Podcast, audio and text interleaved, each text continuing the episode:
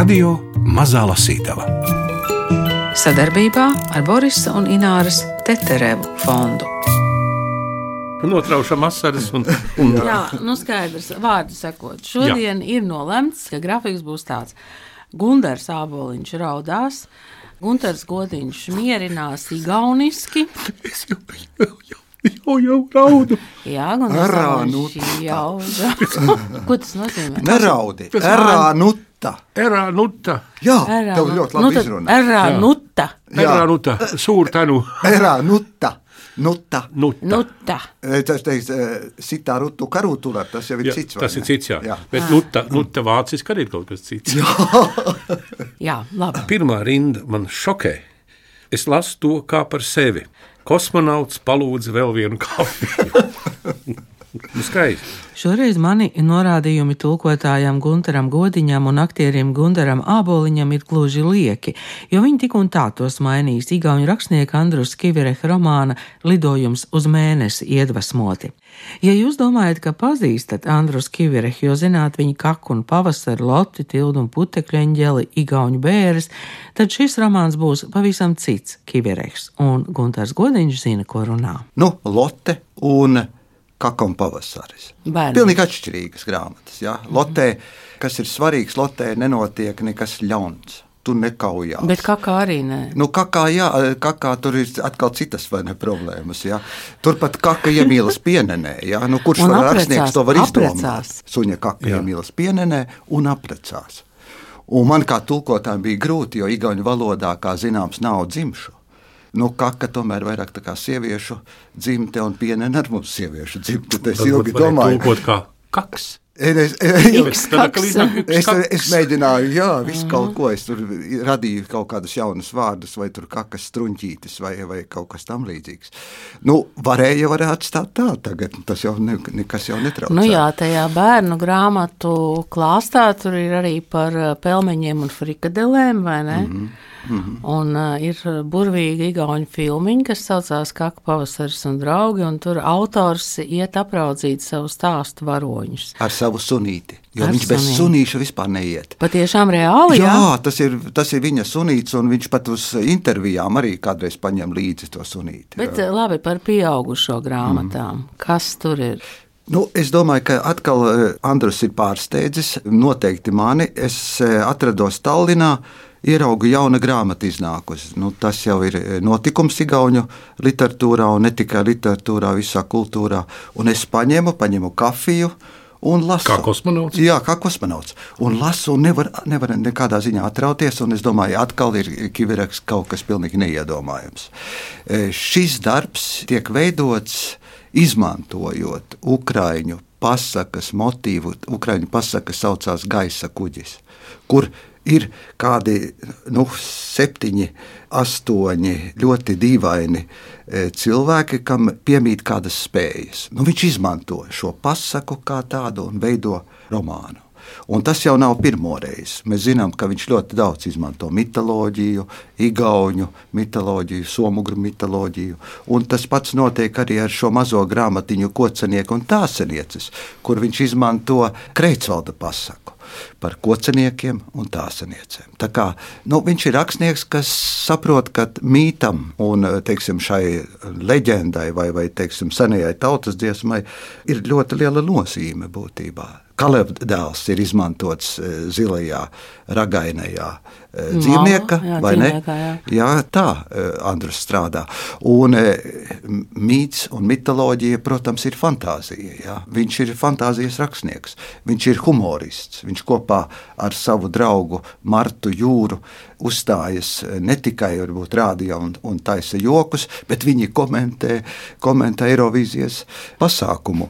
Bet vi- viņi neskatās, viņi vienkārši runā. Un Igauni jau pieraduši, ka tas ir vienkārši fantastiski. Viņiem nav svarīgi, kas tur dzied un tā tālāk. Tā kā, Tas ir nu, jauns tāds. žanrs, komentēt, neskatoties. Jā, ne? jā, jā, jā. Es godīgi sakot, gribētu redzēt, vismaz Jā, dzirdēt. tev vajadzētu, jā, nevis tur teikt, nu tagad nodziedāja. Tas nē, viņi vienkārši runā. Nu Jā, bet tur ir jābūt tādiem diviem kivirehiem, Jā, lai tas jā, notiktu. vai jā. ne? Nu, labi, par šo grāmatu es saprotu, ka tu paņēmi kafiju un vienkārši izlasīji. Un es sapratu, ka es gribu tulkot. Un es eh, rakstīju Andrusam, Es teicu, Andrus, es, es gribu to tulkot. Viņš saka, ka vēl neviens nav pieteicies no Latvijas, jo Andrus mēs ķeram. Maima tulko, es tulkoju, tāpat arī konkurence, tulkojas. ja? Nu, es domāju, ka noteikti, jo katrs grib tik eh, labu tekstu tulkot.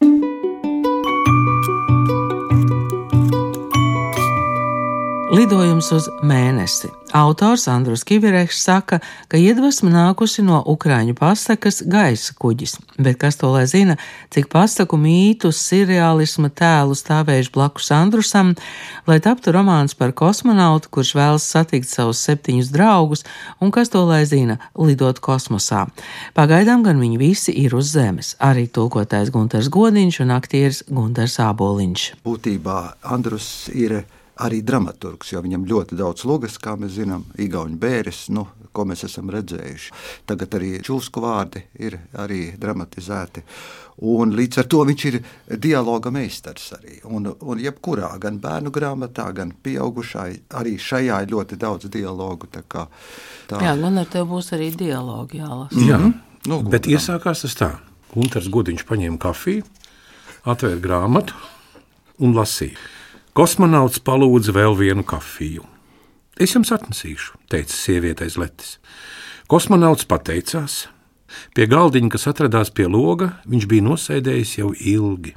Sākumā apēda omeleti, pēc tam rabarberu kūku, izdzēra ananāsu sulu un kafiju.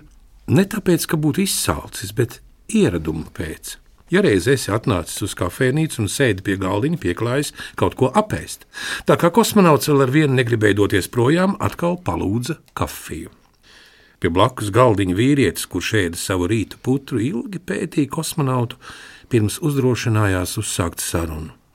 Kosmonauts to jūta, tāpēc uz kaimiņa pusi labprāt neskatījās. Kad abu skatieni tomēr sastapās, putras vīrietis tūlīt izmantoja gadījumu un uzsmaidījis kosmonautam pavaicāja, vai drīz atkal lidosit uz mēnesi? Tad jau redzēs, kosmonauts nenoteikti atteica, uz ko vīrietis atzinīgi pamāja ar galvu un turpināja. Esmu liels kosmosa fans. Protams, pats nekur nelidoju. Man ir darbs, kas vairāk saistās ar lauksaimniecību, ziniet, traktori un, un tādas lietas. Tomēr es vienmēr sekoju līdzi un turu acis vaļā.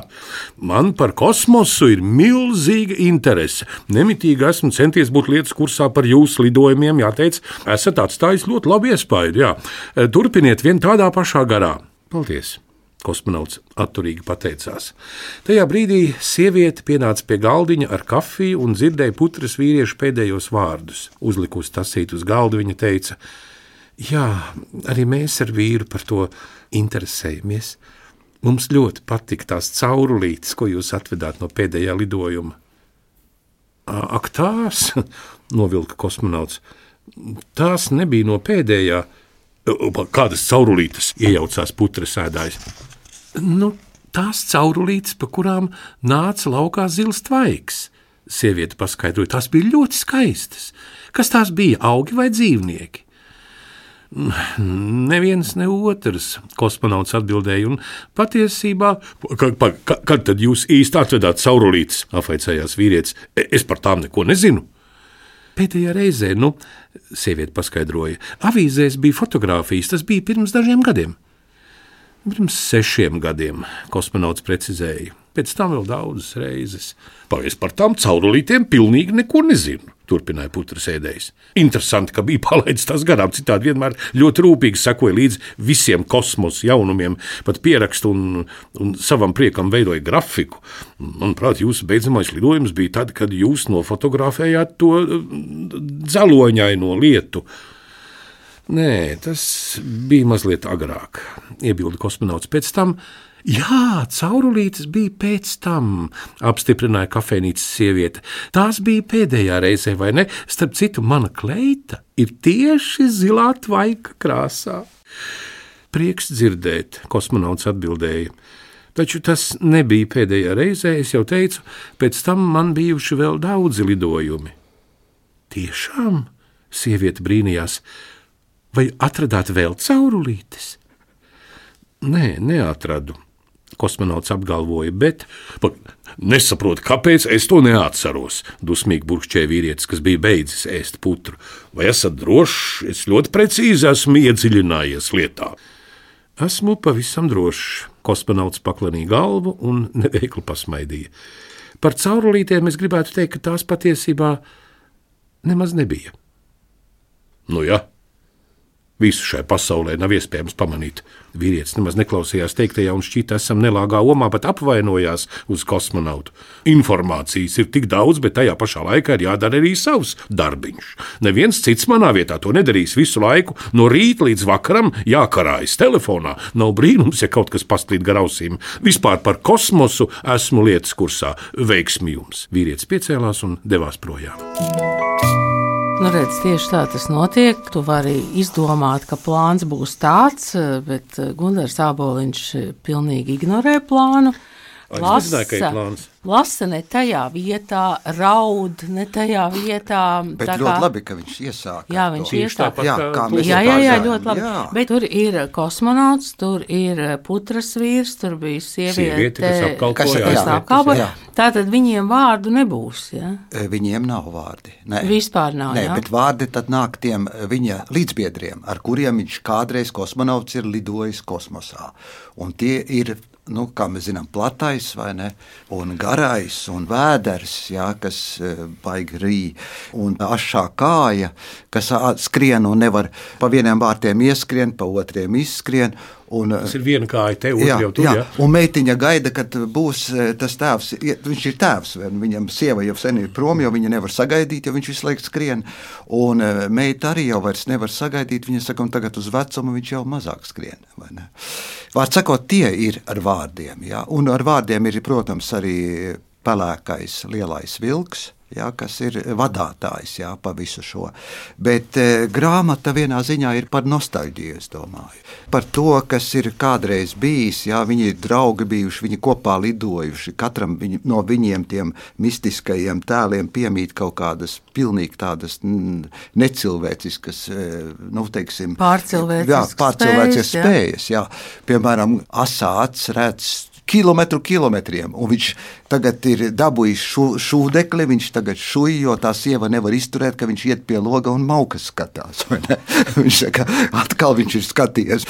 Un tad, kad viņš satiekas ar kosmonautu, viņš atzīstas, ka jā, īstenībā viņš neskatās, bet, bet viņš arī redz, kā piemēram tur kaujās, kas sit, jā, un tā tālāk. Tā kā, nu, tur ir, es domāju, ka tas ir darbs par kuru varētu zinātnisko darbu rakstīt. Ja, jo tur ir vairākas tēmas, dabas aizsardzība, tur ir, ir nostalģija kā tāda jā, par zudušo. Jo būtībā viņš varbūt nemaz nav aizlidojis. Jā, es gribēju prasīt, viņi vispār ir aizlidojuši. Nu, tas nav pateikts. Jā. Jā, tā, tā ir tā mistika. Nu, kā mēs zinām jā. arī par Gagārina lidojumu un tieši amerikāņiem uz mēnesi, tur laikam līdz simt. Jā, jā. tu zini, ka Gagārina eh, to grāmatu, ko uzrakstīja Ungārs, jā, mēs nopublicējam avotā visu ja, ka būtībā viņš vispār neaizlidoja.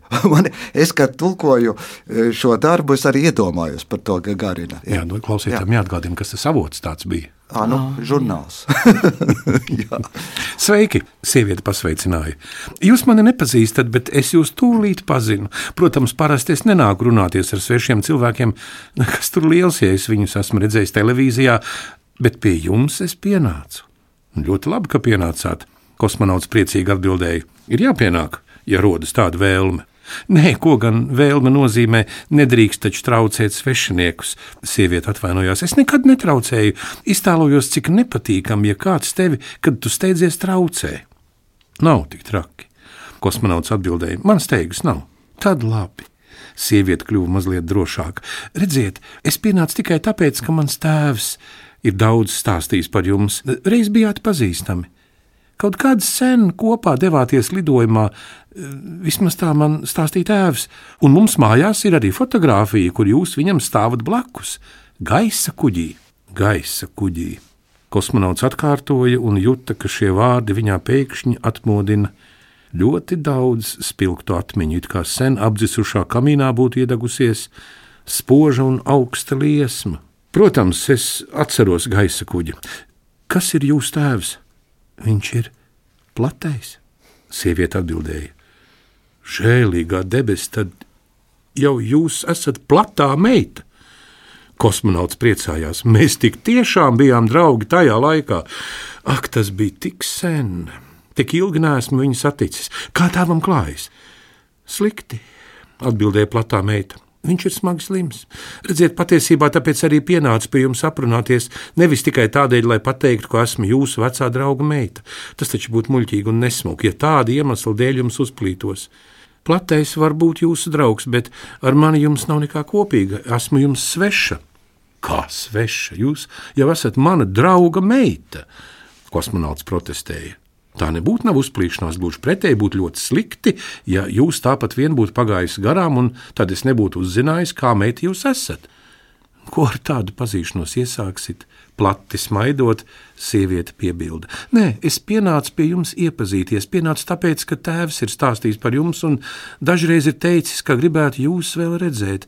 Ne tikai jūs, bet visus savus draugus, kas kopā ar viņu bija gaisa kuģī. Viņš ir ļoti slims, kas zina, cik ilgi vēl atlicis, tāpēc sapratu, ka man jums ir jāizstāsta.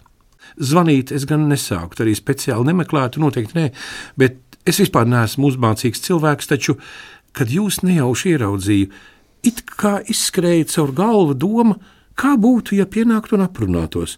Ceru, ka nebija liels traucēklis. Kāds traucēklis, kosmonauts iesaucās gluži pretēji. Tas bija bezgala pareizs lēmums. Man ļoti žēl, ka platajam ar veselību ir čābīgi.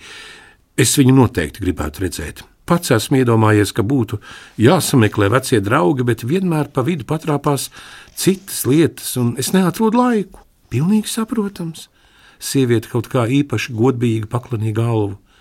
Es iedomājos, kāda jums ir steiga Jūs taču visu laiku lidojat uz mēnesi. Vispār neraizējieties, teicis, neņems ļaunā, viņš ļoti labi saprot. Pateicu tāpat vienu, neustveriet to kā aicinājumu vai pienākumu. Mums taču ir skaidrs, ka jums atkal drīz būs jālido uz mēnesi. Vispār brīnums, kā jūs šodien satiku. Man nekur nav jālido, kosmonauts atbildēja. Man steigas nav, labprāt apciemot jūsu tēvu. Vai jauki? Es noteikti viņam to pateikšu, sieviete apsolīja. Tēvs priecāsies, bet nesāciet viņa dēļ mainīt savus plānus. Vienkārši kādreiz, kad atkal atgriezīsieties no mēnesis, paturiet mūs prātā. Var arī vēlāk, jo jums acīm redzot, vajadzēs vairāk kārt lidot. Tās ir svarīgas ekspedīcijas, vārdu sakot, kaut kad nākotnē. Jā, kādreiz jūs varat sadomāt apciemot tēvu.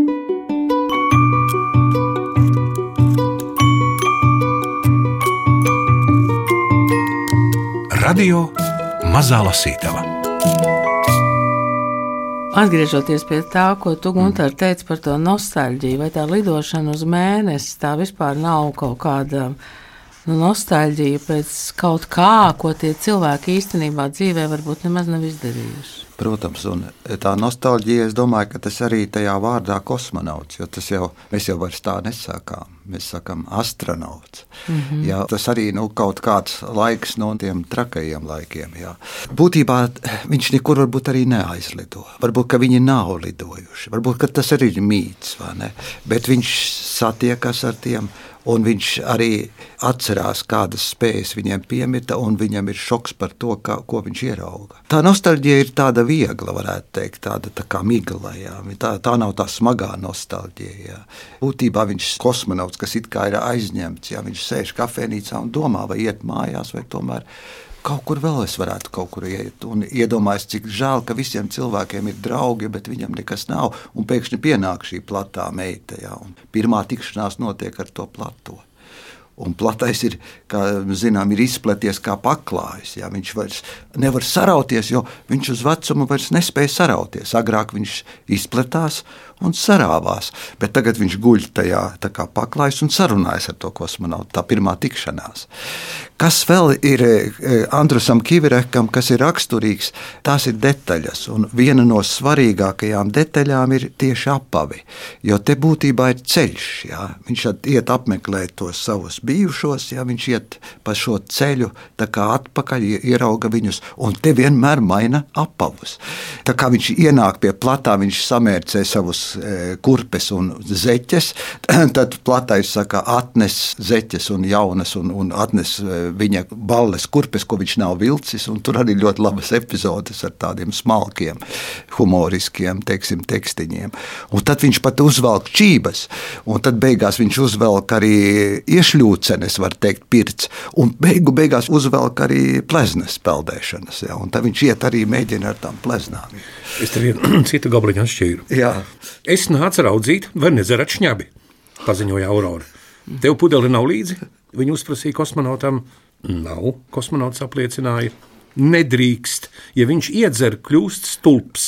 Aurora niknojās. Sāk lūrēt pa logu un tā visu nakti. Es gan aizvalku aizskaru, bet šim tas netraucē, redz cauri. Citreiz līdz rītam staigā pa istabu no viena loga pie cita un tikai blenž. Es gan bļauju uz viņu dažreiz ar kaut ko iebēlžu pa galvu, bet no tā nav nekāda labuma. Ar vien tikai acis, bola un blenž, un blenž, un blenž, kā mūlaps. Droši vien maukas skatās, ko gan citu. Asās acis seja no jauna iekvālojās sarkana. Ko tu te muldi? Asāts izdevies saraustīt. Es nelūru ne uz vienu. Ja esmu iesviķojis, patiesībā es neko neredzu. Tad mans skatiens ir miglains, viss ir kā griežas acis priekšā. Drīzāk esmu nesamaņas stāvoklī. Ja piestāj pie, pie, pie loga, vien, vien, vienkārši tā notiek, arī pats neapjēdz, kur par durnu galvu steberēju. Kā kukainis lidoju uz gaismu, bet no rīta neko neatceros. Ak, tu saki! Aurora ar vienu bija karavīga. Kukainis, es tevi pazīstu. Visu laiku acis izbolītas uz skuķiem. Jā, kukainis, mūžīgi kā tāds sūdamuša. Tā ir dievs, ir sūds, bet tev maukas. Dārgā, es taču caurām dienām šūju. Neredzu, ka tu tagad šūtu. Tāpat viens šķērdē laiku. Nu jā, pie tevis ciemos ir slavenais draugs. Brīnums, ka cilvēkam ir laiks dienu un nakti klīst apkārt un klauvēt pie svešām durvīm. Jā, daži no mums strādā pa naktīm, neko citu, tikai lido uz mēnesi.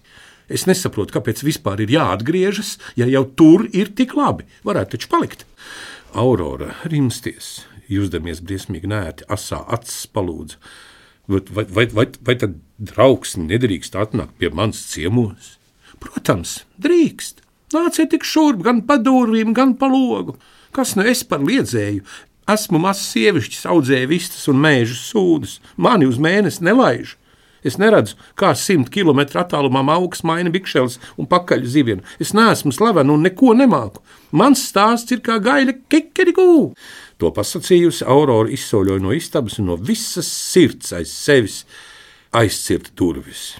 Suns palika vīriešu sabiedrībā, pie asās acis kājām, sakasīja sev likšdiņu, apmierināti nožāvājās un uzlika purniņu uz ķepām. Andrusa Kivireha romānu Lidojums uz mēnesi izdevis Pētergailis, no igauņu valodas tulkojas Gunters Godiņš. Varbūt arī jums teksts viegli plūdīs caur pirkstiem un uzzīmēs šķietamu 21. gadsimta Igaunijas greizo spoguli. Sliktā oma, kosmonauts, uzmanīgi pavaicāja. Viņai ir daudz darba. Asāts nočukstēja un no drēbju kaudzes uz zemās lādes paķēra kādu mēteli. Kamēr to burzīja, viņa rokas trīcēja. Visa mājsaimniecība, nu, protams, es arī piepalīdzu, bet uh, tagad ir ļoti sauss, dārzā viss nīkst ārā. Lielākoties mēs dzīvojam no tā, ko izaudzējam ar šūšanu jau necik ar savām cilvēkspējām tu noteikti nopelnītu vairāk. Bija pārliecināts kosmonauts. Atrastos ļoti daudzi, kuriem ārkārtīgi vajadzētu uzzināt, kas notiek tālumā. Bet es negribu skatīties. Asā acis, atsirt negaidīt ērcīgi. Viņš nikni blenza uz mēteli, censdamies saprast, kas drēbju gabalam īsti ir vainas. Tad aptvēra, ka paķēris mēteli no salāpīto apģērba kaudzes un dusmīgi to nometa. Asāts aizlikās uz otru istabu un atgriezās kā uzvarētājs ar biksēm. Es negribu skatīties, viņš atkārtoja, un ielūkojās tieši acīs kosmonautam tā, ka mirkli bija manām žilbinoša gaisma, kuras dēļ nācās nolaist acis. Es negribu skatīties, es negribu skatīties, es negribu skatīties. Asā acis atkal nosarka, taču šoreiz no aizkaitinājuma. Tu to nevari pat iztēloties. Tu taču neredzi tālāk par savu degunu galu. Asa acis paziņoja ar kamolu kaklā. Tu redzi tikai to, kas tev jāredz, to, kas tiek sarīkots tieši tev, lai iespaidotu tevi, lai izlūgtos tavu uzslavu. Tu esi kā publiskais teātris. Redz vienīgi to, ko aktieri uzved uz skatuves, kad priekškars jau pacelts. Jūs visi redzat tādi, bet es redzu arī aiz priekškara. Es redzu aiz kulisēm, es redzu aiz teātra mūriem, Kad jūs redzat, kā princese uz skatuves bučojas ar princi, es redzu, kā aiz teātra tumšā pagalmā pietempies vīrietis sit sievietes stāvoklī. Es redzu, kā zog, kā laupa, kā aizvaino, kā pazemo. Es redzu briesmīgas lietas, taču nevaru palīdzēt, jo viss notiek tik tālu, ka man nav cerības paspēt palīgā laikus. Kā gan es varētu palīdzēt? Kas nu mans par supervaroni? Patiesībā esmu maziņš, nabaga cilvēciņš, krietns, nomalis skroderis, par to tagad esmu kļuvis. Jā. Tikai tās ļaunā gara acis, tās man neklausa uz vārdu, tās redz visu, man tikai vajag tās atvērt, tāpēc labāk lūru uz lupatām, skatos tām cauri, atrodu ik vienu caurumu un attirušu vīli un cenšos sašūt. Es neblēņu laukā pa logu, jo tur viss ir pārāk briesmīgi un skumji, un bēdas es nemāku salāpīt. Taču es māku brīnum labi ievērt diegu adatā. Skaties! Un caur joku arī, bet nu, ko viņš arī pasaka? Jā, nu, ir, Pirmkārt, jau arī viņa attiecības ar nosacītu, varētu teikt, asās attiecības ar savu sievu Auroru. Ja? Tur tas teiciens, ka pārāk neskatās un aizmirst viņu, tad viņa izsīkst un viņa tā kā pazūd, tā kā nu, paliek visam ja maziņa sieviņa. Ja? Te ir atkal nu, dziļa doma, kā, ko mēs īsti, īstenībā redzam, vai mēs tālāk par savu degunu galu redzam. Bet tas arī nav banāli uzrakstīts. Pēc tam viņš atzīst, tas jā, tomēr es arī skatos uz maukām. Jā. Mēs dzīvojam atsevišķi, Vēders paskaidroja. Un ceļi, kas ved pie mums, ir tādi, kā ar mašīnu īsti nevar izbraukt. Slikti. Protams, būtu labi, ja varētu nopirkt ēzeli vai poniju. Bēda tāda, ka es nenoturētos un agrāk vai vēlāk to apēstu. Jā. Es zinu, tā ir gadījies. Es nesadaru ar māju dzīvniekiem. Tiklīdz pamanu kaķi vai suni, mutē saskrienas iekalas. Tas ir otrs iemesls, kāpēc kaimiņi mums nepalīdz. Šajā pusē mani diez ko neieredz. Kosmonauts nesāka prašņāt, ko vēders ar to domājis. Viņi klusēdam devās tālāk. Vēders bija teicis, ka ceļi uz viņu mājām ir slikti, taču kosmonauts nosprieda, ka to gandrīz nav. Zemes virsma bija auguraina, vietumis nācās soļot cauri garai zālei. Nevarēja saprast, kādā veidā mašīna, ja tikai tā nav tanks, varētu pabraukt pa šādiem ceļiem. Vēders žigla kustējās uz priekšu un pat nēlasa. Tiešām šķita, ka viņš ir pieradis pie nastu nešanas. Draugam uz muguras gulšņājot un siltajā saulē šūpojoties, uzmācās miegs un kosmonauts iesnaudās. Ilga gulēšana nesanāca. Miegā viņš saklausīja vēdera vārdus: Esam klāt! Un nākamajā mirklī kosmonauts jau stāvēja uz savām kājām, žāvādamies un meklējams atbalstu pie līdzās esošās akas. Pēc pēkšņās pamošanās kājas vēl bija slābanas un prāts mazliet apjucis. Pirmajā brīdī kosmonauts vispār neaptvēra, kur atrodas, taču tad pazinis vēderu, visu atcerējās. Blakus vēderam stāvēja viņa māte, sīciņa večiņa, kuras laipno seju ierāmēja sniegbalts lakats, kas viņai lika izskatīties pēc tipiskas, jaukas vecās mātes no bērnu grāmatas. Paskaties, māte, ādi, tas ir mans vecais draugs, norādot uz kosmonautu vēders paziņoja, vai pazīsti? Kurš gan šo vīru nepazīst? Viņa bildes ir vai katrā avīzē, māte ādi, atbildēja lalinošā balsī. Tās atgādināja pirmās rindiņas no kādas garas tautas dziesmas, un kosmonauts šķita pat vīlies, ka dziesma šajā vietā pēkšņi apraujas. Viņš noberza kāju, vēders skaidroja, tāpēc es viņu stiepu uz muguras. Šis vairs nespēja īsti paiet, bet mēs negribējām nokavēt pusdienas. Vai tu varētu viņam kaut kā palīdzēt? Un kas mums pusdienās? Ēdiens ir silts un virtuvē gaida. Māte ādi turpināja lalināt. Mēs salāpīsim to kāju, gan jau zāles atradīsies. Nāc, nu, nāciet, nu, nāciet, nāciet, nāciet, nāciet, nāciet, nāciet. To nāciet, nāciet, māte ādi atkārtoja nemitīgi dungojot, kamēr abi vīrieši viņai sekoja, iegāja mājā un tika līdz virtuvei. Kosmonauts savu iešļūceni bija atstājis pagalmu vidū, arī vienīgo zeķi bija novilcis un palicis basām kājām. Tas šķita ļoti patīkami, jo pagalmā bija mīksts mauriņš, bet istabas grīda no gludiem dēļiem, kas it kā ar mēli laizīja pēdas.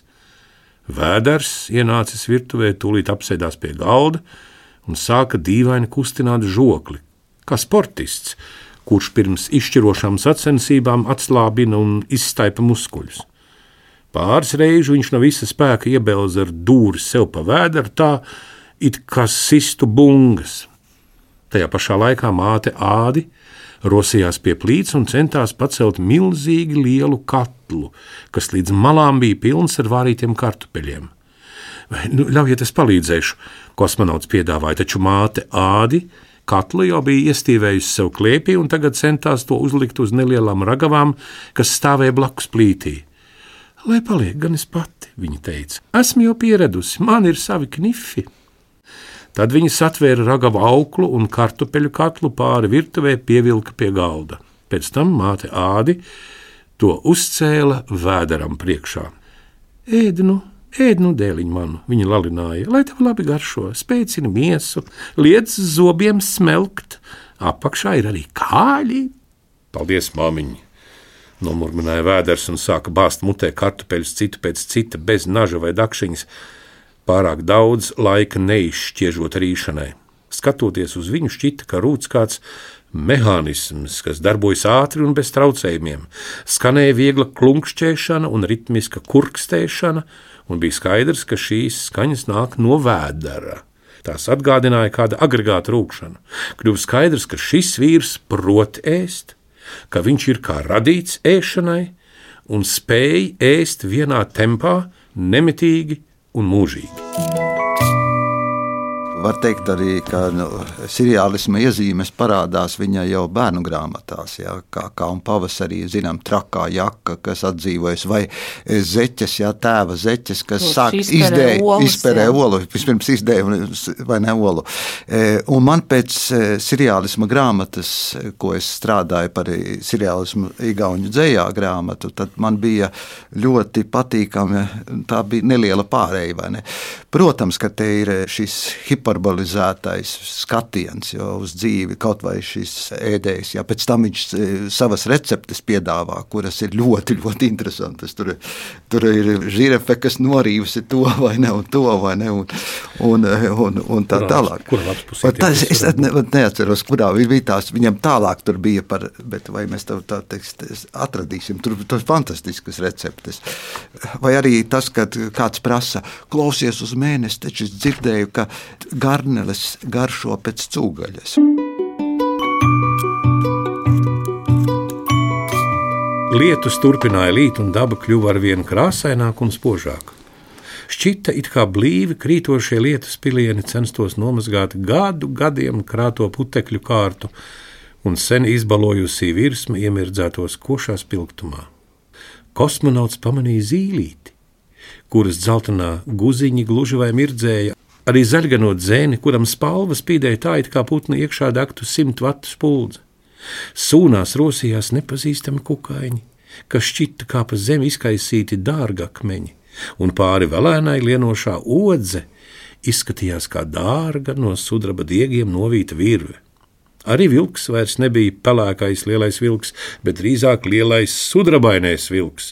Viņa kažoks likās kā izlietas no kausēta metāla.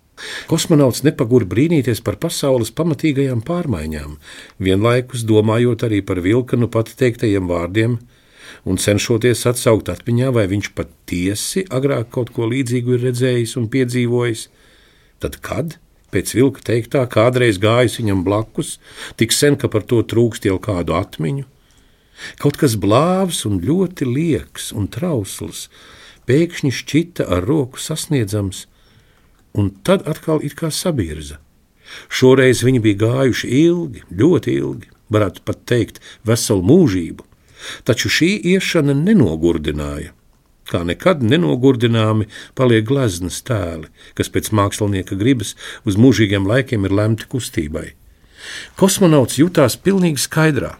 Krāsainie kokteļi caur ādu bija izgarojuši no viņa asinīm, varbūt pat pievienojuši toņus jau tā raibajam mežam. Lietus ar vien līja un līja. Tad beidzot vilks apstājās un tajā pašā mirklī nopilēja pēdējie lietus pilieni. No mākoņiem izsprācās saule. Slapjais mežs tūdaļ sāka garot un izskatījās pavisam citādi, taču ne mazāk burvīgi. Mēs esam klāt, teica vilks. No šejienes ceļš vad lejup uz žiglās kājas mājām. Es tālāk neiešu. Šajā pusē klīst mednieki. Starp citu, mēs tagad stāvam vēsturiskā vietā. Tieši šeit tika nogalināts visvecākais zaķis. Viņam bija gāra, sniegbalta aste, tik gāra, ka sniedzās līdz zemei. Es brīnos, ka visu šo laiku man nepastāstīja nevienu briesmu stāstu, teica kosmonauts. Zini, man to pat pietrūka. Nekas, gan jau pagūšu vēl daudzus izstāstīt. Vilks priecīgi atbildēja: No žiglās kājas mums taču jāaiziet līdz stiprajam. Tā kā uzturi savu garu. Gaidīšu ar interesi, kosmonauts apsolīja, bet nākamajā mirklī atskanēja bises šāviens, un vilks, spalgi smilkstēdams, uzlidoja augstu gaisā. No viņa izšļācās sarkans asiņu mākonis.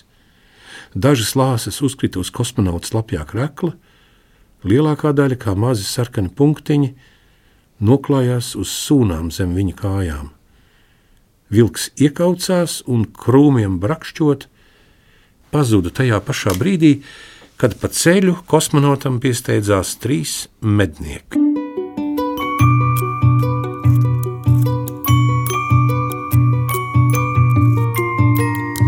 Radio Mazā Lasītava sadarbībā ar Borisa un Ināras Teterevu fondu.